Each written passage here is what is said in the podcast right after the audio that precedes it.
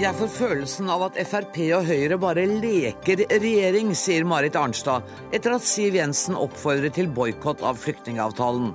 Men det er faktisk Senterpartikommunene som er dårligst til å ta imot flyktninger, svarer Frp. Sønnen ble slått og sparket av mobbere på skolen. Til slutt sykmeldte legen gutten. Skoler som ikke tar mobbing på alvor, må stenges, sier Trond Giske. Hvorfor er det bom stopp for likestilling her i landet? Jeg har ikke noe svar, jeg. Hvorfor er det blitt slik? Hvorfor er det blitt slik at Norge ligger etter på de områdene? Det sa Gro Harlem Brundtland til Dagsnytt 18 på fredag. Vi prøver å finne noen svar i dag.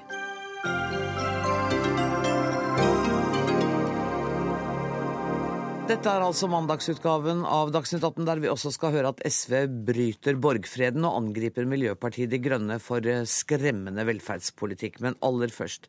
Det har i ettermiddag vært en kraftig bombeeksplosjon i Bangkok. Det er fortsatt uklart hvor mange som har blitt drept, men foreløpige tall tyder på at det kan være flere enn 27. Fire av dem skal være utlendinger. Nesten 100 mennesker er skadd. Philip Lote, utenriksmedarbeider her i NRK, hva vet vi om denne bombeeksplosjonen? Vi vet uh, foreløpig ganske lite, bortsett fra at uh, det er uh, voldsomme scener som har utspilt seg. ambulansepersonell beskriver det som et kjøttmarked, og det er veldig vanskelig å få en oversikt over over omfanget av skadde og døde. Eh, skadde er i hvert fall mellom 81 og 100 et sted, minst. Eh, noen medier sier 27 eh, døde. Det er bekreftet 16. Og det som kanskje skiller dette angrepet fra noen få tidligere forsøk eller gjennomførte bombeangrep i Bangkok, er at dette helt tydelig var ment til å ta livet av folk pga. tidspunktet det inntraff på. Og så er det i nærheten av et populært uh, femstjerners hotell, altså mange turister i dette området? Ja, dette, Denne helligdommen er en slags hindu-helligdom som også vanlige thai-buddhister pleier å gå og besøke. Det ligger like, heter Eravan og ligger like ved Eravan Hilton, et uh, hotell som er populært, særlig blant kinesere, og mange kinesere som besøker den, dette tempelet.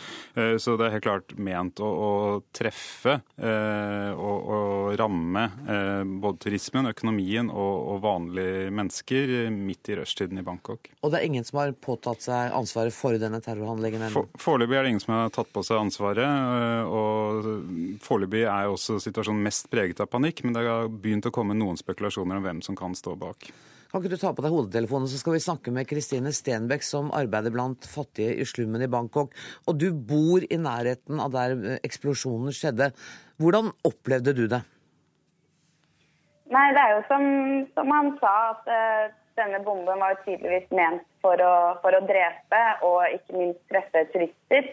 Uh, så vi sitter igjen med samme følelsen, vi som bor her, at uh, vi, er, vi, er, veldig bekymret og, og lurer på, på, hvem og hva. Det er jo mye rykter som går, men det er ganske spent og ja, anspent stemning her akkurat nå. Har du vært ute i gatene og snakket med folk som har sett eller hørt noe? Eh, nei, men jeg snakket på telefon med, med venner som eh, både som jobber som ambulansesjåfører eh, og har vært eh, i området når det skjedde. Og de sier det samme. Det er en ekstremt kaotisk situasjon. Folk, eh, folk skjønner ikke helt hva som, er, hva som foregår. Og, og, ryktene går veldig fort her. Det er en stor by, og når ting som dette skjer, så snakkes det om flere bomber og at det er nye bomber og, og nye eh, mål som skal treffes. og det er ganske høy eh, panikkfaktor her akkurat nå. Hva gjør du for å ivareta din egen sikkerhet når det er en sånn stemning av frykt som det er nå? Heldigvis så jobber jeg jo for en thai-organisasjon og, og, både bor og jobber med, med lokale. Så, og snakker selv thai, så jeg følger med på lokale nyheter. Eh, alle skolene har blitt stengt eh, i byen i morgen. Eh, så det gjelder å, som de sier på nyhetene, å holde seg unna folksomme områder. og Hele gaten rundt der hvor bomben smalt, har blitt eh, stengt. Og har stengt i hvert fall frem til formiddagen i morgen. Så eh, heldigvis jobber jeg i, i, i slummen, som er bitte litt unna. Så det blir å reise på jobb og reise hjem på ettermiddagen og ikke drive og fare rundt i gatene. Mm. Og følge med på nyhetssendingene. Eh, Philip Lote Kristine Stenbeck nevnte her at det har gått rykter om at det er funnet flere bomber. Det har jeg også sett i noen nyhetsmedier. De snakker om en eh, gjenstand som kan være en bombe, som de da prøver å sikre. Men, eh, men, dette kan jo også være noe som bare har oppstått i den panikken som er der. Dette vet vi ikke sikkert. Men politiet og annet personell driver og prøver å sikre området, som er en vanskelig oppgave. Tusen takk for at dere var med i Dagsnytt 18, Kristine Stenbeck og Philip Lote.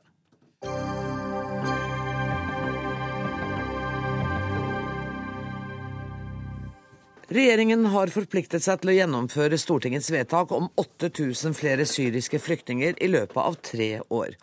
Stortingsflertallet ga regjeringen beskjed om å undersøke hvor mange flere flyktninger kommunene kunne ta imot, men Siv Jensen ba Fremskrittspartiets kommunestyrerepresentanter om å si nei til flere flyktninger.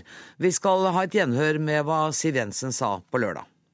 Jo flere kommuner som sier nei til å bosette, jo større mulighet er det for at denne avtalen ikke kan gjennomføres. Og da er det at du sier at du av og til får følelsen av at Høyre og Frp bare leker regjering. Stortingsrepresentant for Senterpartiet Marit Arnstad, hva får deg til å føle det? Jo, det er jo fordi at eh, vi på ene sida har en inkluderingsminister som da oppfordrer kommunene til å ta imot flere flyktninger. Og så har vi en finansminister som fraråder dem å ta imot flere flyktninger. Og så har vi en statsminister som sier det at i en valgkamp så kan jo alle få lov å si akkurat hva de vil. Eh, og da syns jeg vi har fått en regjering som ikke opptrer enhetlig. Eh, og dette oppfatter jeg som en variant av den dobbeltkommunikasjonen som du har sett fra særlig Frp sin side, også i andre saker som f.eks. trygdeoppgjøret eller klimaloven. Og jeg mener at En regjering den må jo eh, stå samla om, om oppfølginga av det som Stortinget faktisk har vedtatt. Mazyar Keshvari, du er stortingsrepresentant for Fremskrittspartiet. Hvordan reagerer du på det Marit Arnstad sier? Nei, Marit Arnstad forsøker å rote til denne debatten fordi det er en svært dårlig debatt og dårlig sak for Senterpartiet, på lik linje med de andre partiene som har fattet dette vedtaket. Vedtaket om å ta imot 8000 syriske flyktninger på toppen av alt det som kommer av asylsøkere og det vi har forpliktet til oss tidligere, er jo ikke fattet av regjeringen. Det er fattet av stortingsflertallet. Og Vi i Fremskrittspartiet vi hadde vårt eget alternativ i forbindelse med den saken, som ville medføre at vi kunne hjulpet langt flere mennesker i nærområdene fremfor å ta imot 8000 eh, flyktninger hit. Så når Solveig Horne har vært ute og bedt kommunene ta imot å bosette flyktninger, så gjelder det det som eh, allerede er på mottakene. Hun har ikke gått ut og oppfordret noen til å ta imot disse 8000 eh, syriske flyktningene, som alle nå innser er en totalt urealistisk oppgave. Sånn at regjeringen står helt fritt i å velge å ikke ta imot disse 8000 ekstra som Stortinget har bestemt? Nei. Det Stortinget vedtar, skal jo regjeringen gjennomføre. Men okay. Fremskrittspartiet har jo hatt sin egen så det Da må du hjelpe meg litt videre. Altså, Regjeringen er forpliktet til å ta imot disse 8000 som Stortinget har bestemt, men Fremskrittspartiet eh, er ikke rammet av den forpliktelsen. Nei, Poenget er hvordan flyktningpolitikken i Norge er organisert. Det er opp til norske kommuner å bosette flyktninger. Eh, og når vi vet at norske kommuner, inkludert Senterpartiet sine egne styrte kommuner, ikke er i stand til å bosette de som allerede har fått opphold i Norge, så er det ikke realistisk å skulle ta imot 8000 på toppen av det hele. Det skjønner jeg at Fremskrittspartiet mener. Mitt spørsmål var er Fremskrittspartiet inkludert og omfattet av den samme forpliktelsen som regjeringen er til å oppfylle Stortingets vedtak? Ja, Stortingets vedtak skal enhver sittende regjering oppfylle, og at man skal ta imot. Men kommunene har ikke mulighet til å ta imot. Og jo flere kommuner som lar være å være med på dette uansvarlige løpet som er lagt opp, eh, jo større sjanse har vi til å bosette de som allerede har fått opphold, men fortsatt befinner seg på mottak. Arnstad. Nei, altså her må jeg si Det er fortsatt sånn at uh, eh, FrPs fremste representant i regjering, fraksjonslederen om du skal si sånn i regjering, finansministeren, som også har ansvaret for finansieringa av det dette uh, kompromisset Stortinget har vedtatt, hun fraråder da norske kommuner å bosette flyktninger, mens hennes egen statsråd, inkluderingsministeren, gjør det motsatte. Jeg syns fortsatt at det smaker veldig av dobbeltkommunikasjon. Så er jeg nok enig i at det er krevende for en del kommuner å skulle bosette. Men jeg er overraska over hvor mange som eh, er villige til å gjøre det, og som ønsker å bosette flere flyktninger. Det de står og venter på nå, det er finansieringa av dette eh, eh, arbeidet. Og det har jeg full forståelse for. Der står det i forliket fra Stortinget at at eh, regjeringa skal komme tilbake i statsbudsjettet for 2016 og si hvordan det her skal finansieres. Senterpartiet er av den oppfatning at dette prosjektet må fullfinansieres fra statens side. Det tror jeg er en forutsetning for at dette skal bli en vellykka prosess. Mm. Og Det har jo Frp all mulighet til å gjennomføre med, gjennom, den, gjennom, at de sitter med finansministeren, og også gjennom, gjennom å vise vilje til en reell oppfølging av det, av det forliket som er vedtatt. Stortingsrepresentant for eh, Sosialistisk Venstreparti, Bård Vegar Solhjell. Protestere mot egen regjering, det har dere god tradisjon for. Sympatiserer dere derfor med Frp i denne sak? Det er ganske stor forskjell på at noen står på plenen, og at finansministeren og visestatsministeren protesterer mot sin egen regjering. Jeg tror det her var et veldig nøye gjennomtenkt, regissert utspill. Målet er å sørge for at eh, de ganske mange eh, som er skeptiske til å ta imot flyktninger, blir stemmer Frp. Og det blir sagt så hardt og så tøft eh, at det blir tema i alle debatter i mediene osv. Det er brutalt mot Solveig Horne, som jo sier det stikk motsatte, altså inkluderingsministeren, som sier at det er viktig raskt å få bosatt alle, ellers så eh, blir det vanskeligere med integrering. Mm. Tøft mot deg, ikke minst mot de ganske mange tusen som venter. Eh, men det spesielle her, i forhold til f.eks. For når Siv Jensen sier at hun ikke tror på klimaendring, eller Per Sandberg sier et eller annet, det er jo at Siv Jensen aktivt arbeider nå da, for at Stortingets vedtak ikke skal settes ut i livet. For det er jo ikke sånn at Stortinget har bare vedtatt å ta imot 2000. Stortinget har vedtatt at man skal få kommunene til å gå nøye gjennom hvor mye mange de kan ta imot, jobbe for å få det til å bruke kapasiteten, mens finansministeren da ber kommunene gjøre det motsatte. Hun oppfordrer altså, arbeider for, at Stortingets vedtak ikke skal settes ut i livet. Jeg kan faktisk ikke huske noe eksempel på at et medlem av regjeringa aktivt har eh, gått mot Stortingets vilje på den måten. Poenget her er at finansministeren har ikke protestert mot noen som helst vedtatt av regjeringen. Regjeringen vedtok aldri at man skal ta imot 8000 eh, syriske flyktninger. Og jobben med å kartlegge kapasiteten i norske kommuner begynte lenge før Stortinget vedtok det. Det arbeidet satte Solveig Horne i gang i allerede i forkant av dette vedtaket for å finne ut av hva som var den reelle kapasiteten. Men du, Skal vi spille av det kuttet med Siv Jensen en gang til? Har du behov for det? Nei. Nei. På, på, For det, det, er helt tydelig hva hun sier der, ja, ikke sant? selvfølgelig. Og, ja. Men poenget er at man prøver å fremstille som at det er Siv Jensen mot Solveig Horne, og det er ikke riktig.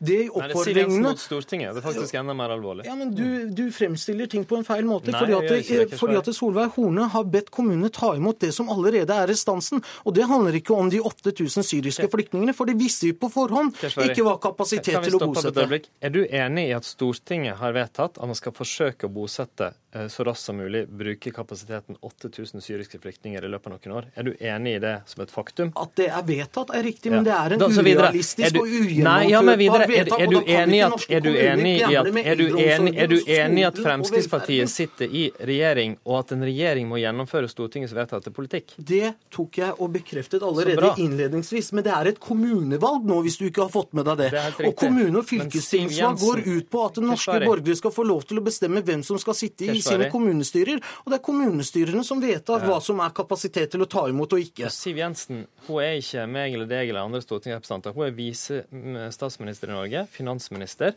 og er forplikta til å gjennomføre Stortingets vilje.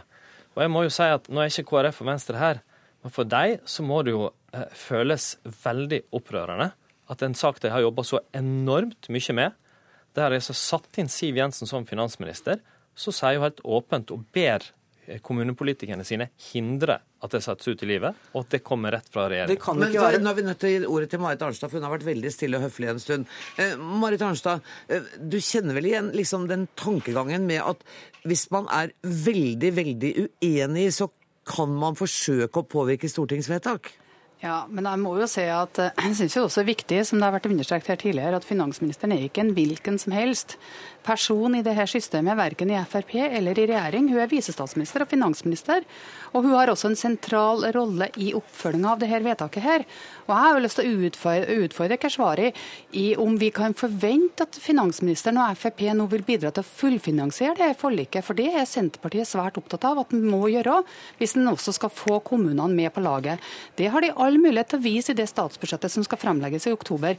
Og Det kunne jo være fint om Keshvari da kunne bekrefte at eh, Frp er opptatt av at du reelt sett skal få gjennomført forliket på en sånn måte at det er mulig for kommunene, og at du dermed også vil foreslå en fullfinansiering. Det er det som er akilleshælen i dette forliket.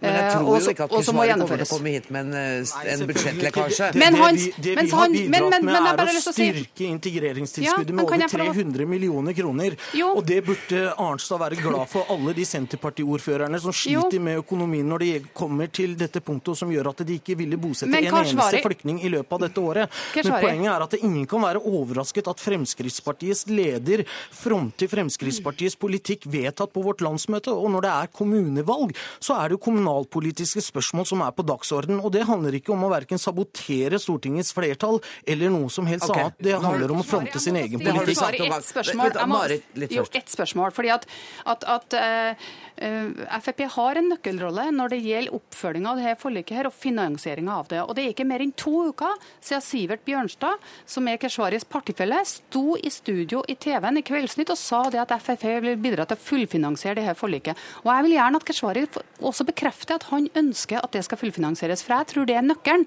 til at også kommunene gjennomfører det, Det- forliket vi har blitt enige om, og at det blir en suksess. For det tror jeg faktisk jeg har mulighet til å bli. Jeg skal gi Solhjell ord før eh, Keshvari får det. Helt kort en løftebrikke.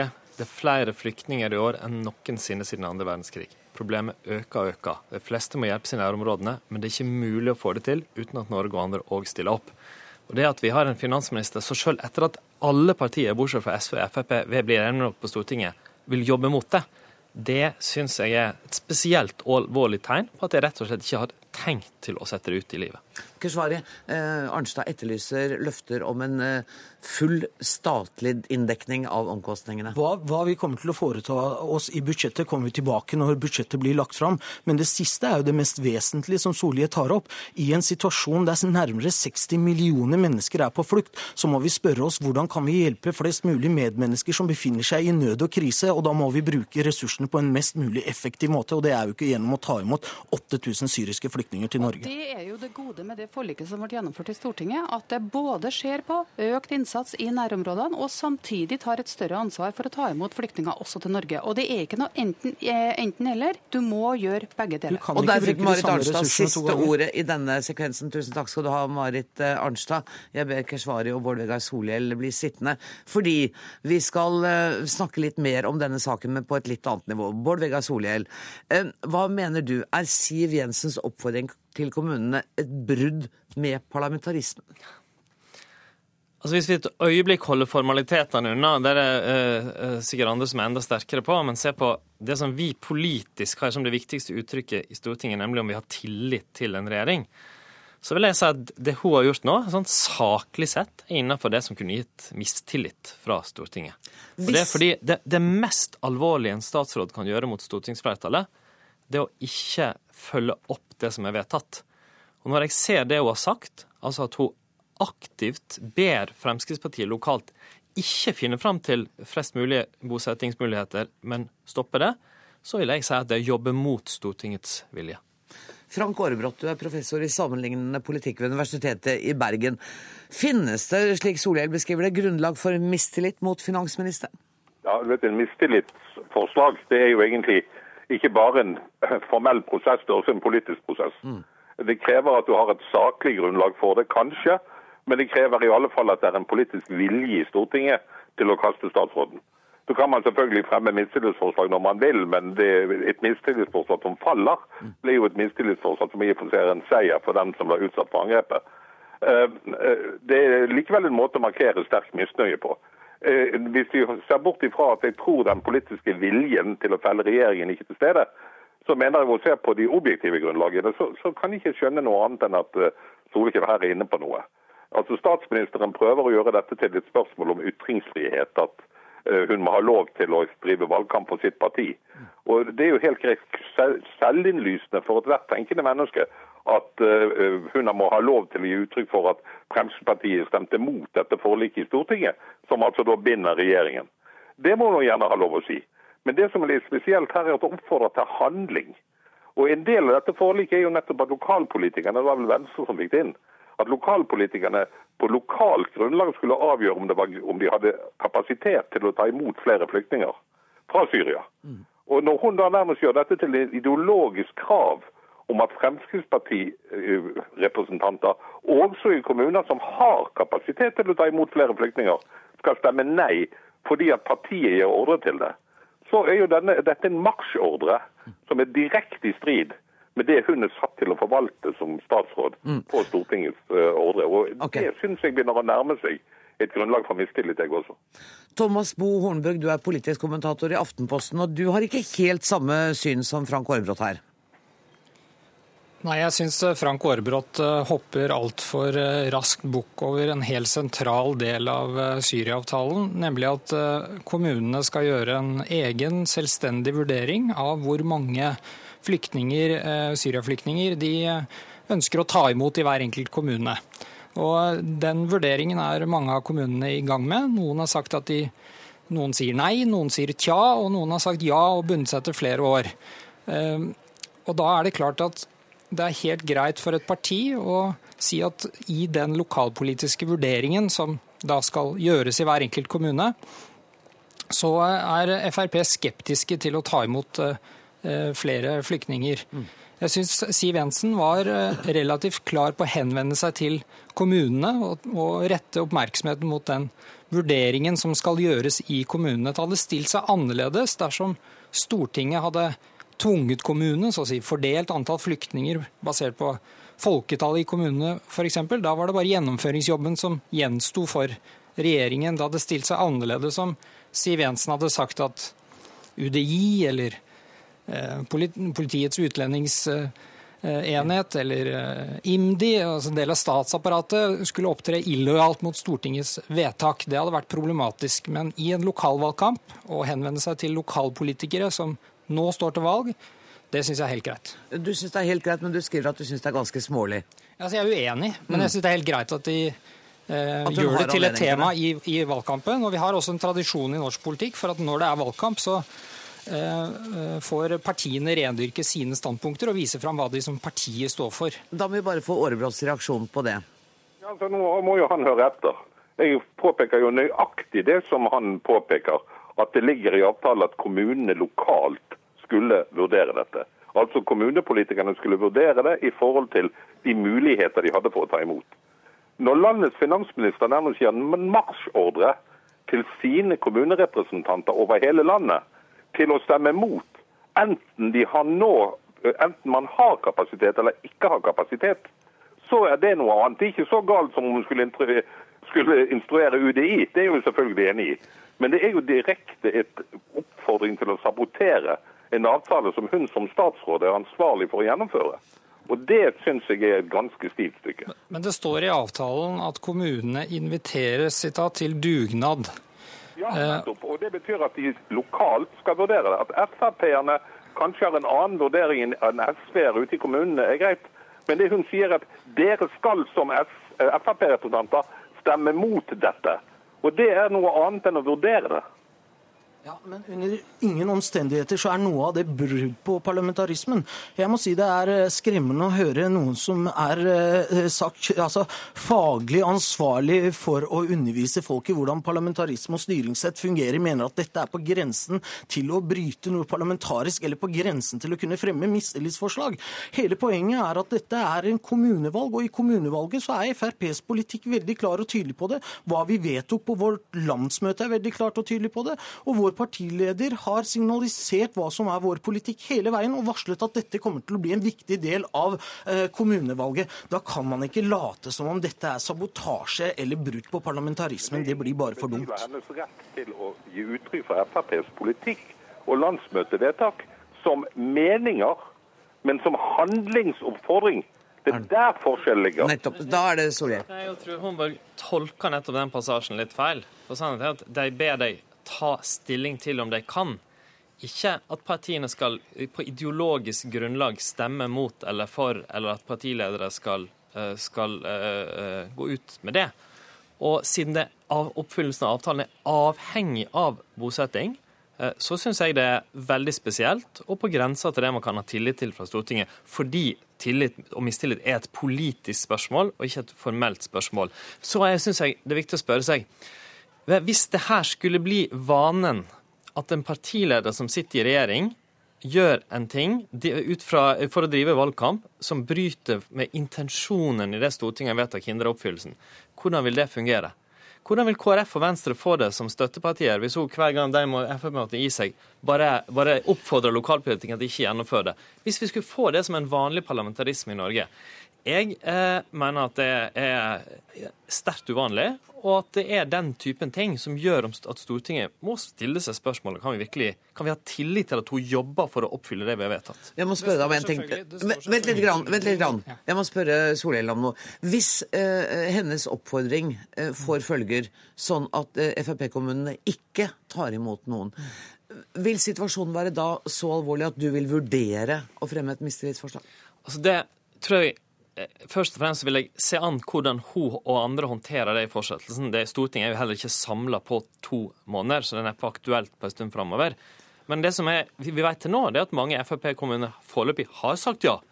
Hvis det som nå skjer, eller varsler det, hvis det som nå skjer, er at dette er en ordre til Frp-kommuner om å jobbe for nei, prøve å hindre det i sin kommune, så kan det få direkte konsekvenser for menneskeliv og for oppfyllelse av stortingsvedtak.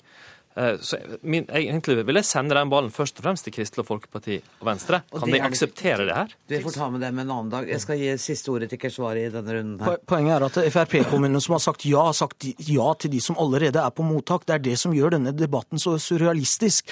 Det er at vi vet hva som er kapasiteten i norske kommuner. Hadde det vært veldig god kapasitet, så hadde det ikke vært nær 5500 mennesker som har fått opphold og som fortsatt befinner seg på asylmottak. Og med den realiteten godt kjent i det norske norske samfunn så har altså stortingsflertallet vedtatt å ta imot 8000 syriske flyktninger over tre år på toppen av det ja, hele. Det er realiteten. Tusen takk for at dere deltok i Dagsnytt 18, Matsi Arkeshvari, Bård Vegar Solhjell, Frank Aarebrot og Thomas Bo Hornburg. Dagsnytt 18 alle hverdager klokka 18. På NRK P2 og NRK2.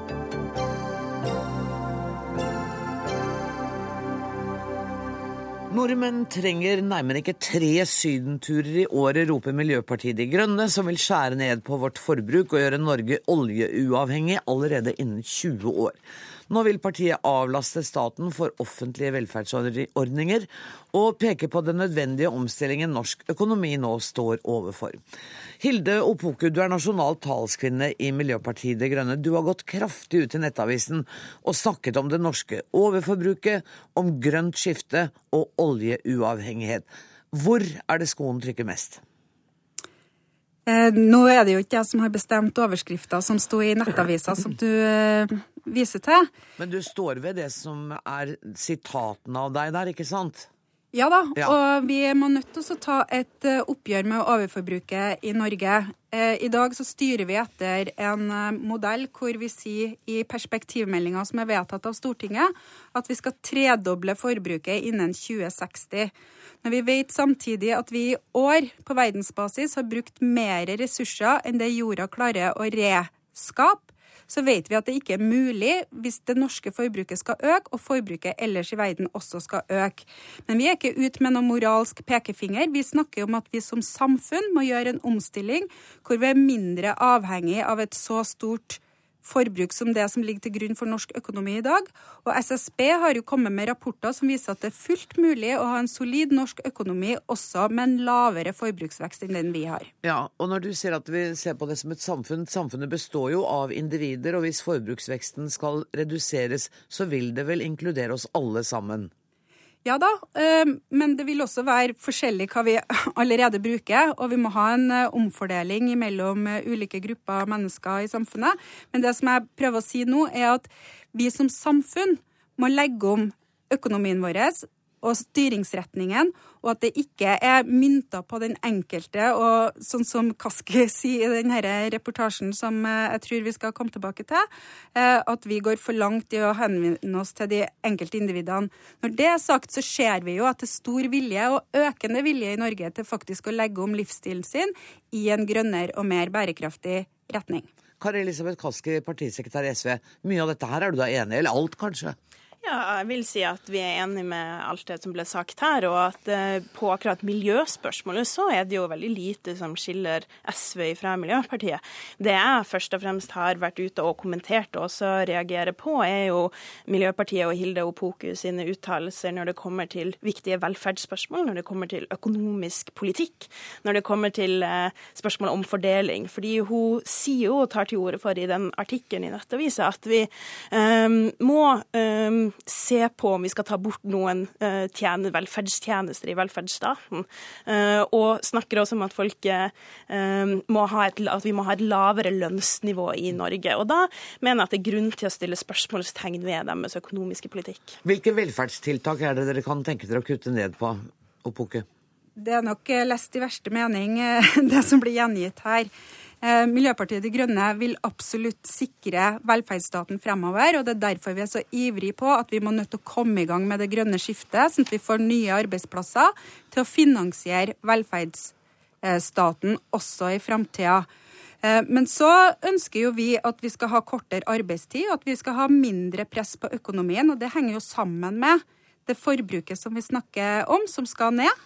Og med kortere arbeidstid så får vi mer tid til hverandre.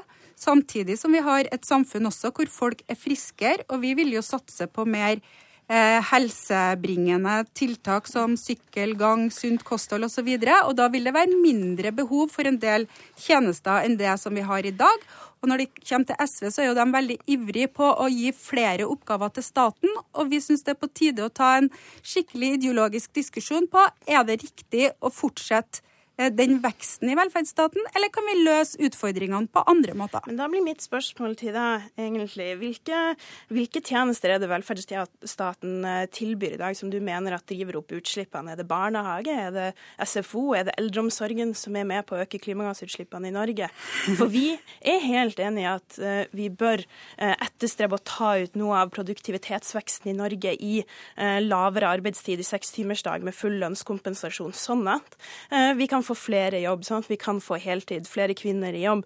Men det eh, er jo helt misforstått å tro at det gjør velferdsstaten noe mindre viktig. Tvert imot så er det jo enda større behov for å ha på plass en skole da som er tilpassa folk sine liv, tidsklemmer og en barnehage, sånn at nettopp særlig kvinner kan, eh, kan delta i arbeidslivet. Og der må jeg si at jeg stusser litt på den vinklinga som dere har, og angriper først og fremst velferdsstaten og det offentlige forbruket i en diskusjon som egentlig bør handle om omfordeling omfordeling, og hvordan de samla klimatiltakene kan få en legitimitet i befolkninga, der alle bidrar og er en del av løsninga. Her tok du hele, du tok virkelig hele kartet her, men jeg vil spørre Hilde og Opoku. Tenkte du også en sekstimersdag med full lønnskompensasjon? Nå prøver jeg å si at vi skal ned med det økonomiske presset. Da må vi ned med den totale lønnskostnaden i Norge. Ok, Så vi skal ikke... jobbe kortere for å få mindre penger? Ja, i Norge så har vi råd til det, men det betyr ikke at det skal gå utover lavtlønte. Vi må selvfølgelig ha en omfordeling og en regulering som gjør at dette her fordeles i befolkninga. Og så frigjør vi sånn mer tid meg, bare la meg henge med. Eh, sånn at lavtlønte skal få full lønnskompensasjon, mens høyst, høytlønte ikke skal få det? Vi har faktisk en omfordelingspolitikk i vårt alternative statsbudsjett som er ganske så radikal, fordi vi mener at eh, rettferdig fordeling er en basis Eh, for samfunnet vårt både i Norge og internasjonalt. Så det kan Kaski gå inn og se på. Samtidig så er vi også opptatt, sånn som SV viser til her, at vi skal ta inn en del avgifter på forurensende tiltak som skal være med på å finansiere dette skiftet. Men vi ønsker å skape en debatt nå om hvordan tar vi samfunnet videre. Vi står overfor store, radikale endringer, både pga de klimaproblemene vi står overfor, men også fordi at markedet er i ferd med å endre seg. Oljenæringa i Norge kommer ikke til å være like stor som den har vært framover. Og da må vi omstille staten vår. Og vi opplever at folk er opptatt av verdier, hvor de kan få lov til å delta mer aktivt i egne liv, og gjennom mer fritid, så vil det også åpne seg andre muligheter enn dem vi har i dag. Og det ønsker vi å ta en ordentlig diskusjon på hvordan vi kan der, få til. Der, der, fikk du også tatt hele partiprogrammet. Jeg er litt usikker fortsatt på hvor den reelle uenigheten går, men jeg regner med at jeg kommer til å få mange anledninger til å lede debatter mellom dere to i tida framover. Tusen takk for at dere kom, eh, Hilde Opoku og Kari Elisabeth Kaski.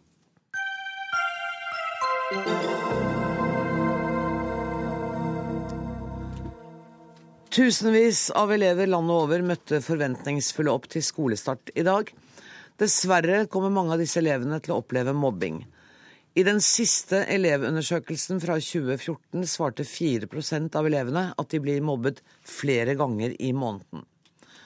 I ukeslutt her i NRK P2 og P1 på lørdag fortalte en mor om at hennes sønn på ni år ikke bare ble mobbet på skolen, men ble banket opp. Det endte med at gutten ble sykmeldt fra skolen. Vi skal høre et lite utdrag av morens fortelling. Og en annen klassevenninne av han uh, kommer løpende og gråter og forteller meg uh, hva hun har sittet og sett på av uh, en medelev har slått ned, sittet med kneet ned i maven på han og klora han så han satt og blødde inne i klasserommet. Niåringen havner på sykehus etter volden. Når han kommer tilbake, velger skolen å isolere ham. Han satt nesten nå i siste fire månedene eh, på trappa og så på de andre lekte. Og det var ingen som fikk lov til å sitte bort ved han i det hele tatt. Han måtte bare sitte der og se på de andre. Eh, han fikk eh, tilsnakk ute i skolegården om nå må du passe deg så du ikke skaper en konflikt. Jeg håper jo selvfølgelig på en bedring, men hvor mye skal vi håpe? Reporter i denne saken var Kari Li. Og vi har med oss eh, denne mammaen på telefon. Du ønsker å være anonym, og det har vi full respekt for. I morgen er det den første ordentlige skoledagen for uh, gutten din. Han har vært innom skolen så vidt i dag, og det har gått bra, fortalte du meg på telefon. Hva har skolen gjort nå for at han skal få hjelp? Etter at skolen fikk en ny rektor, så ser vi faktisk at hun prøver å gjøre vår sønn trygg.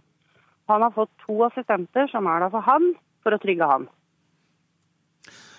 Da du oppdaget at gutten din ble mobbet, sparket og slått, og dette hadde pågått en stund, så klaget du saken inn for Fylkesmannen.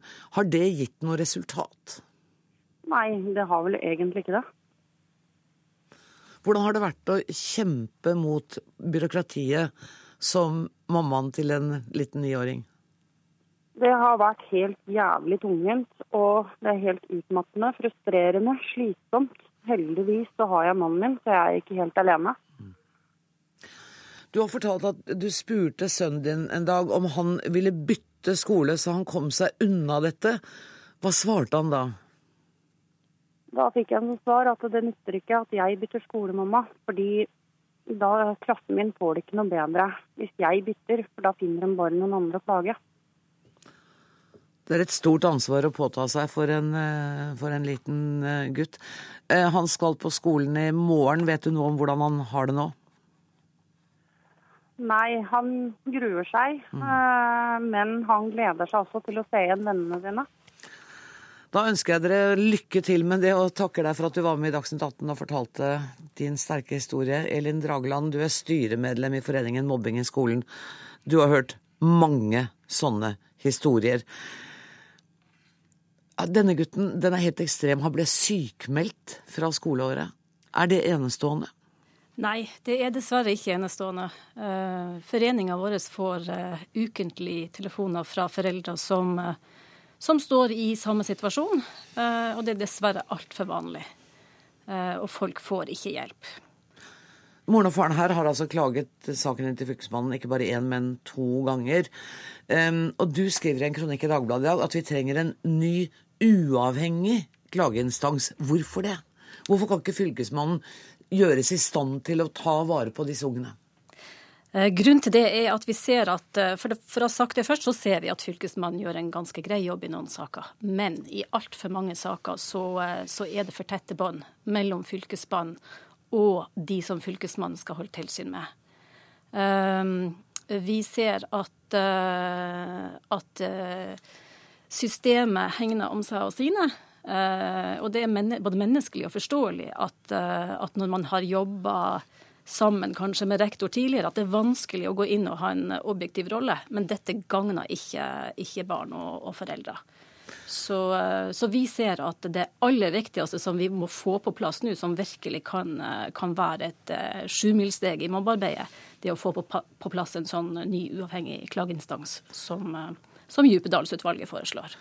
Torbjørn Røe Isaksen, um, Hvordan føles det for det første å høre disse historiene og vite at norsk skole er det, er det du som er den øverste sjefen for? Men det er jo et, det er jo et svik. Og det har jeg sagt flere ganger, og jeg gjentar det gjerne. For det, det, det mest grunnleggende som må være på plass, uansett hvor du er i landet, eh, det er at når du går på skolen, så skal du være trygg. Og det er både for barna det gjelder, og det er for foreldrene som sender barna til skolen. Men de føler altså ikke trygghet fordi at Fylkesmannen ikke gjør noen ting, og det er Fylkesmannen som er rette instans. Um, Hvordan ser du på forslaget om å opprette en uavhengig klageinstans? Vi, vi holder på å vurdere det nå. og bare, Det er jo ikke sikkert absolutt alle som hører på har et nært og intimt forhold til hva Fylkesmannen er. Men Fylkesmannen er altså statens representant i fylkene. Eh, Og Fylkesmannen er på den måten uavhengig av kommunene. Men så er det helt åpenbart at dagens klagepraksis veldig mange steder ikke fungerer bra nok. Eh, Det er for vanskelig å finne fram. Det tar for lang tid. Eh, Det er ikke klart nok. Altså hvis, hvis Fylkesmannen gjør et vedtak og bestemmer at skolen skal endre praksis, så er det ofte det ikke blir fulgt opp, og det for altfor lang tid. Og Derfor holder vi nå på å vurdere det forslaget fra Djupedal-utvalget om at vi skal ha en uavhengig klageinstans. Så er det noen fordeler og noen ulemper med det også. Eh, Og Det er derfor vi skal bruke litt tid på å se gjennom forskjellige sider av det. Og jeg har i hvert fall sett at veldig mange av fylkesmennene går imot at det skal opprettes en uavhengig klageinstans. Trond Giske, hva er ditt synspunkt på dette? Du er skolepolitisk talsmann for Arbeiderpartiet. Vi har heller ikke tatt stilling til det, men jeg er positiv til alt som kan bidra til å gjøre skolen trygg for ungene. Du går mye lenger. Jeg går mye lenger. Altså, I boka di som heter 'La læreren være lærer', som kom vel i går? Eller Dag. Den, i dag? I dag, rett og slett. Jeg fikk den litt tidlig, da. Um, eh, der sier du at steng skolene som ikke klarer å takle dette. Ja, barnom, altså I um, Djupedal-utvalget foreslår man jo at Barneombudet skal kunne gi bot til skoler som ikke løser mobbeproblemet. Jeg mener at ingen skoler skal kunne betale seg ut av at de ikke skaper en trygg skole. Eh, Vi er ufattelig raske til å stenge enhver byggeplass hvis et stillas er litt eh, ranglete eller at det er utrygge forhold. Vi kan jo ikke ha dårligere beskyttelse av barn enn av voksne folk med vernesko og hjelm. Eh, Og det å bli utsatt for langvarig trakassering, det sammenligner forskerne med å ha krigstraumer. Du kan få hjerneskader som ligner på aldring. 16% av dem som er langvarig mobba, går med hyppige selvmordstanker. Dette er livsvarige skader. Eh, Og da mener jeg som en siste instans, altså først så skal du få på plass god veiledning, kunnskap. Vi vet veldig mye om hvordan du kan forebygge og stoppe mobbing. Så, hvis ikke det virker, skal du skifte ledelse, og det er jo, virker jo som det er gjort på denne skolen. Bytte ut rektor. Men hvis heller ikke det hjelper, så må du som en siste instans stenge skolen. Men jeg tror at vi kommer til å slippe å stenge den skolen, for bare trusselen om å stenge den skolen vil få rektor og alle andre voksne til å ta dette på fullt alvor. Mm, Sånn at du vil ha strengere tiltak, men du sa også at det, i Arbeiderpartiet så har man ennå ikke endt opp på hvilken form for klageinstans man vil ha. Om det skal være fylkesmann eller om det skal være en frittstående. Nei, Dere er og- også i tenkeboksen der. Ja, og først og fremst så er det jo et lederproblem. Det hørte vi fra dette eksempelet. Altså at ikke alle rektorer eh, og voksne tar dette på alvor. Vi fikk jo faktisk i vår den første rettssaken hvor en rektor og en skole ble dømt for å ha brutt opplæringsloven. For der står det krystallklart at elevene skal være trygge. Så vi har altså mange tusen brudd på denne loven hver eneste måned i norske skoler. Ingen rektorer, ingen ordførere sitter bak lås og slå, men vi må i hvert fall sørge for at loven blir håndheva. Nå må jeg høre med Dragland om forslaget ditt om å, å stenge Jeg skoler. syns det er et eh, veldig friskt utspill, det skal du ha for. Men det du skal være klar over, er at i veldig mange av disse sakene så er den familien og det barnet som er utsatt for mobbing, blir veldig stigmatisert. Så jeg ser at det ligger en potensiell konflikt i en del lokalsamfunn hvis du skal gå så- drastisk til verk, verks. Men det jeg syns er kjempeviktig, altså før du tar eh, og går så drastisk til verks, så vil jeg gjerne understreke hvor viktig det er å få på plass ei uavhengig klageordning. Nå har foreninga vår lest igjennom 178 høringssvar.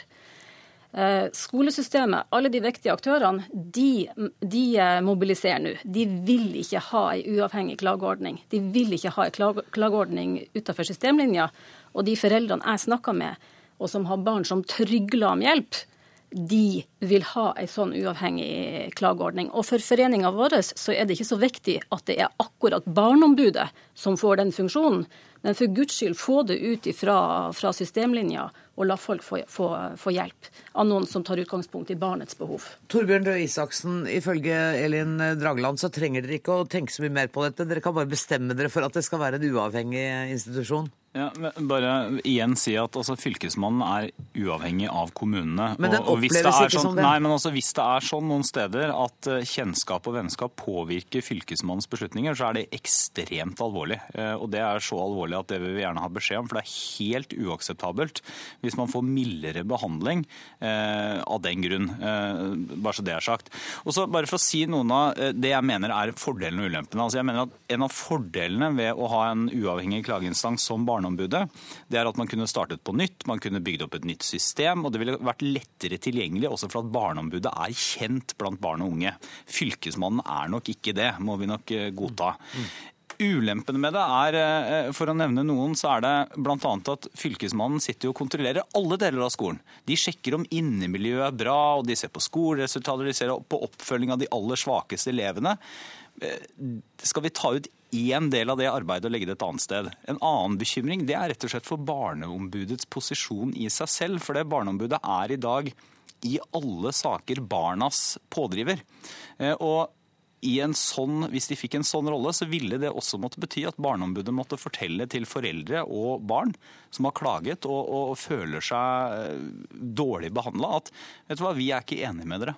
Eh, Og jeg er litt bekymra for om den rollen skal kombineres med Barneombudet, som skal være barnas forsvarer i, i nær sagt ett og alt. Ja, jeg hører at dere i hvert fall har, vært inne og drøftet både fordeler og ulemper. Giske, hva sier du? Ja, altså Røe Isaksen sier at skal vi ta ut én ting liksom fra det andre tilsynet med inneklima og lufting og slike ting.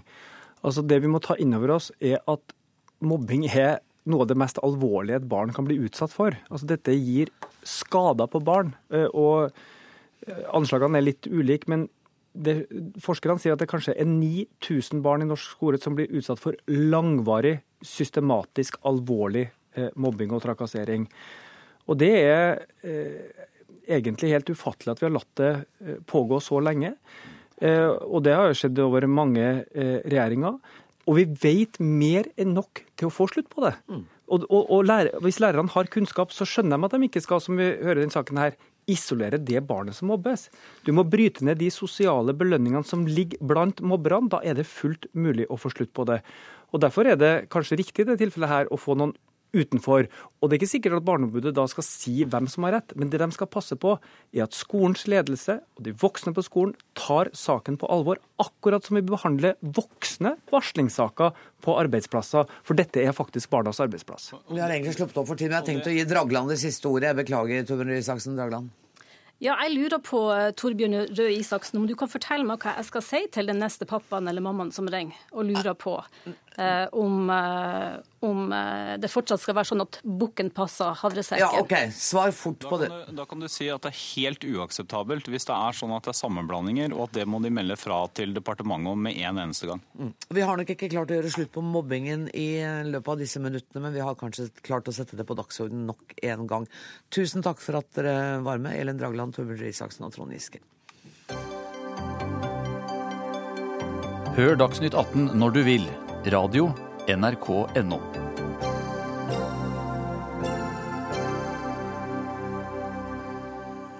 Likestillingen i norsk næringsliv står bom fast. Ifølge tall fra tankesmien Agenda ligger Norge på bunn i verdenssammenheng når det gjelder kvinnelige ledere i næringslivet. Dette bekymrer også Gro Harlem Brundtland, som av mange er regnet som likestillingens mor. Det er stor gjennombrudd i den politiske scenen. Men eh, vi har ikke mange kvinnelige ledere rundt omkring i samfunnet.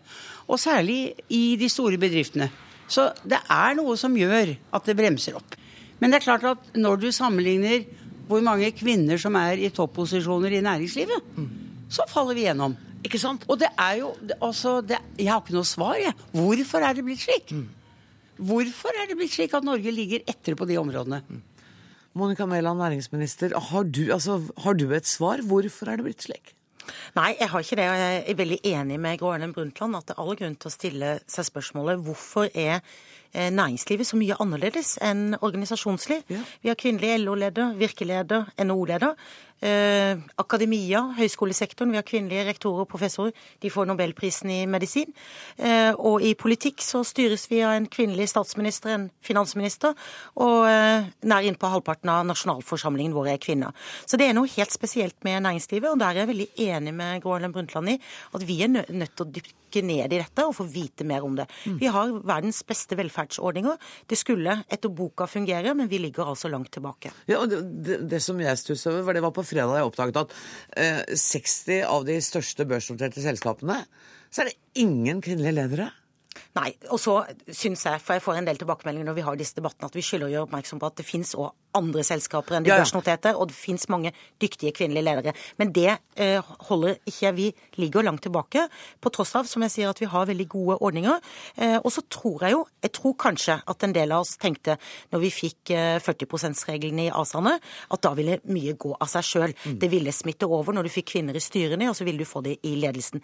Det gjør det ikke, og det betyr at vi er nødt til å eh, gjøre noe eh, for å endre dette. Fordi vi jo går glipp av masse ressurser i, i samfunnet, eh, og det er uklokt å velge bare halvparten av befolkningen. Marte Gerhardsen, du er leder av Tankesmien Agenda. Du er med oss fra studio i Arendal. Kan du gi oss et bilde på hvor dårlig stelt vi er? Ja, Det er jo, som vi har vært inne på her, veldig dårlig. Det er jo ikke bare de 60 største selskapene hvor det ikke finnes kvinnelige ledere. Hvis du tar de 500 største selskapene i Norge, så er det bare 8% av dem som har en, en kvinnelig leder. Så her ligger vi helt på bånn. eh, Og land som Jamaica, Filippinene, Colombia ligger langt, langt over Norge. Og så har vi i Tankesmien Agenda jobbet ganske lenge med dette og sett på hva, hva kan være årsaken. Eh, Og en viktig grunn til at det er sånn, er eh, holdninger. Vi gjorde nettopp en undersøkelse sammen med Markedshøgskolen, hvor vi ga 100 studenter oppgaven av å lese en profil eh, om en leder. Eh, 50 av studentene fikk eh, profilen hans, og de resterende 50 fikk profilen Hanna. Det var helt identiske historier, bare forskjellige navn.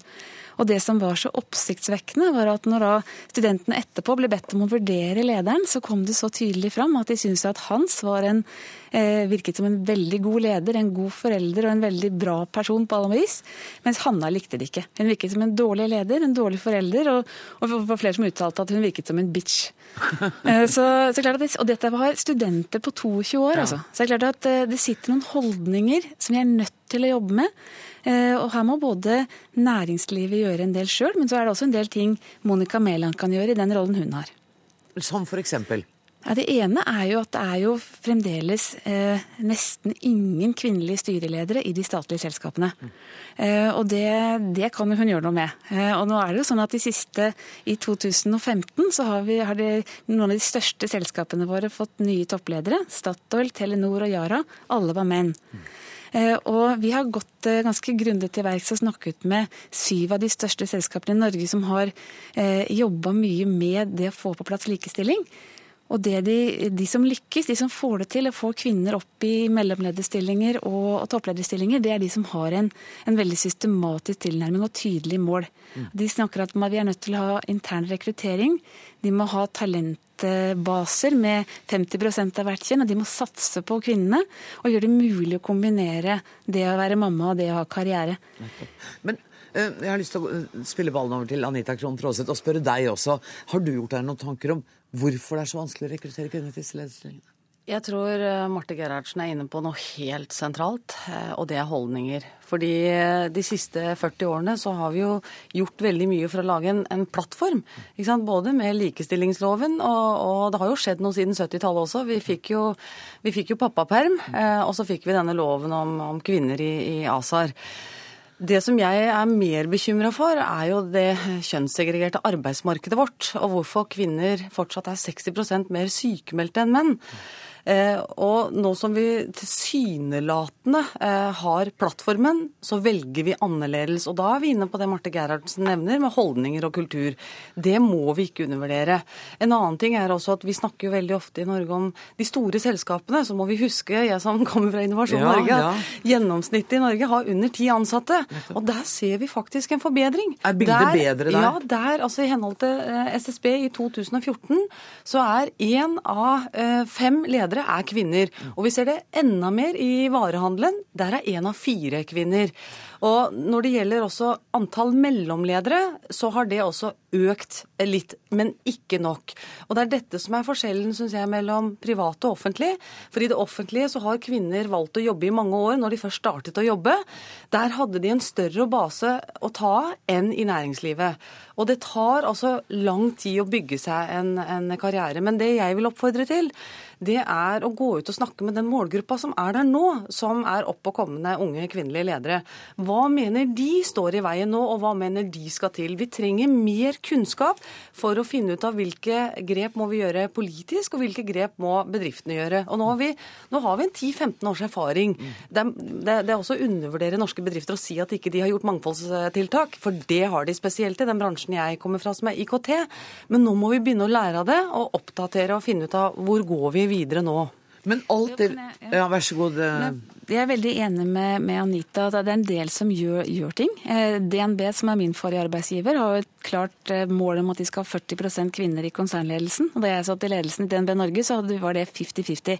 Men det kom ikke av seg sjøl. Det kom av at man faktisk satsa på å få fram kvinnelige mellomledere. Og Da tenker jeg at Monica Mæland kan ha et ansvar. fordi at i de store lokomotivene i norsk næringsliv hvor staten er en betydelig eier, der er det, i mange av dem er det, står det veldig dårlig til. Og da må vi kunne, eh, Det finnes en likestillingslov som er ganske vag og ullen, og den følges ikke opp, og de rapporteres ikke, og når de ikke gjør det, så skjer det ingenting. Mm. Riksrevisjonen viste i 2013 at det var bare 26 av 70 selskaper som i det hele tatt gadd å rapportere på hva de hadde gjort på likestilling. Og det er klart at det er ikke bra nok. Så det vi, må- det vi må gjøre, er å lære av de selskapene som lykkes, og stille krav om at dette må gjennomføres. Og hvis de da ikke gjør det, så må det få konsekvenser, og da må vi kaste styrene hvis de ikke følger opp. Jeg har lyst til å kaste inn et veldig betent ord, jeg. Kvotering, Monica Mæland. Ja, vi har jo kvittering. Vi har jo det for ASA-styrene. Har, ja, på 40% For styrene, det virker. Så må jeg bare korrigere Marte Gerhardsen. For de statlige selskapene så er andelen kvinnelige styreleder 38 Ja, okay. og den skal opp. Og så gjør jeg nettopp det Marte Gerhardsen sier. Barne-, og likestillings- og inkluderingsministeren og jeg hadde møte med en rekke eh, representanter fra norsk næringsliv tidligere i vinter for å få innspill til hvordan man jobber helt bevisst med å rekruttere kvinnelige ledere. Eh, Blant annet så eh, DNB rekrutterer dobbelt så mange kvinner som menn til lederprogrammene, for at da har de flere å plukke av. Og det er mange gode eksempler. I tillegg så har vi forsterket våre forventninger til styrenes arbeid, eh, altså de statlige styrene, eh, og vi forventer at de lager eh, strategier for å øke mangfoldet i ledelsen. Og jeg skal ha et møte med alle styrelederne nå på torsdag, nettopp for å diskutere dette, fordi vi må bruke vår eiermyndighet til å eh, være tydelige på våre forventninger, og det må også få resultat hvis styrene ikke følger opp dette Men- arbeidet. Men alt det vi snakker om nå, er sånn som kommer til å ta lang tid, og vi må snakke om det mange ganger. Det pussige er at jeg får aldri så mye sinte e-poster som etter at vi har snakket om likestilling. Aldri blir jeg beskyldt for å være Da har jeg et forslag til deg, Anne. Ja, da har jeg et forslag, fordi at eh, I går så hadde vi en debatt om dette her nede i Arendal også. Vi var fire kvinner som diskuterte. Nå er det Dags 18, vi er kvinner igjen. Nå må du få gutta ut på banen. Nå må du få de mannlige sjefene, for dette her er ikke et likestillingsansvar som bare er for kvinner. Det er også for menn. Nå må du få konsernsjefene inn og høre hva, hvordan er det de eh, gjør det, og ikke minst eierne. Vet du hva, Det er et kjempegodt tips. I dag tenkte vi litt sånn lukket og tenkte på Ja, dere. ja. de Det er veldig hyggelig å bli invitert, men nå må vi få gutta på gang her òg, altså. Og det må vel Monica Mæland også. Du må også snakke med konserndirektørene og få dem til å skjønne at Og det gjør vi. Vi følger det opp i vår dialog med selskapene. Og så tror jeg òg vi må bare erkjenne at det er ikke noe quick fix, men det kan gå mye fortere enn det gjør i dag. For i dag er det ikke godt nok. Eh, Marte Gerhardsen, helt til slutt. Er det sånn at det er et litt eh, deprimerende fremtidsperspektiv her? Veldig kort. Det er i hvert fall utrolig viktig å gjøre noe, for dette går ikke av seg sjøl. Og så er det i tillegg til det vi har snakket om nå, eh, det som er en av viktigste grunnene til at kvinnene faller fra. Det vi ser var at i starten, i begynnelsen av karrieren, så stiller menn og kvinner likt, men så får kvinnene barn, og så i de viktige årene mellom 30 og 40 så er det veldig mange som faller av. Nettopp, det er klart at det å gjeninnføre pappaperm og sørge for mer likestilling hjemme er utrolig viktig. Vet du hva, dermed Nå. Og der var vi over i den debatten.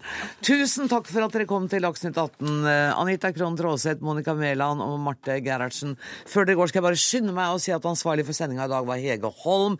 Eh, jeg heter Anne Grosvold. Det tekniske ansvaret har Hilde Tosterud. Takk for nå.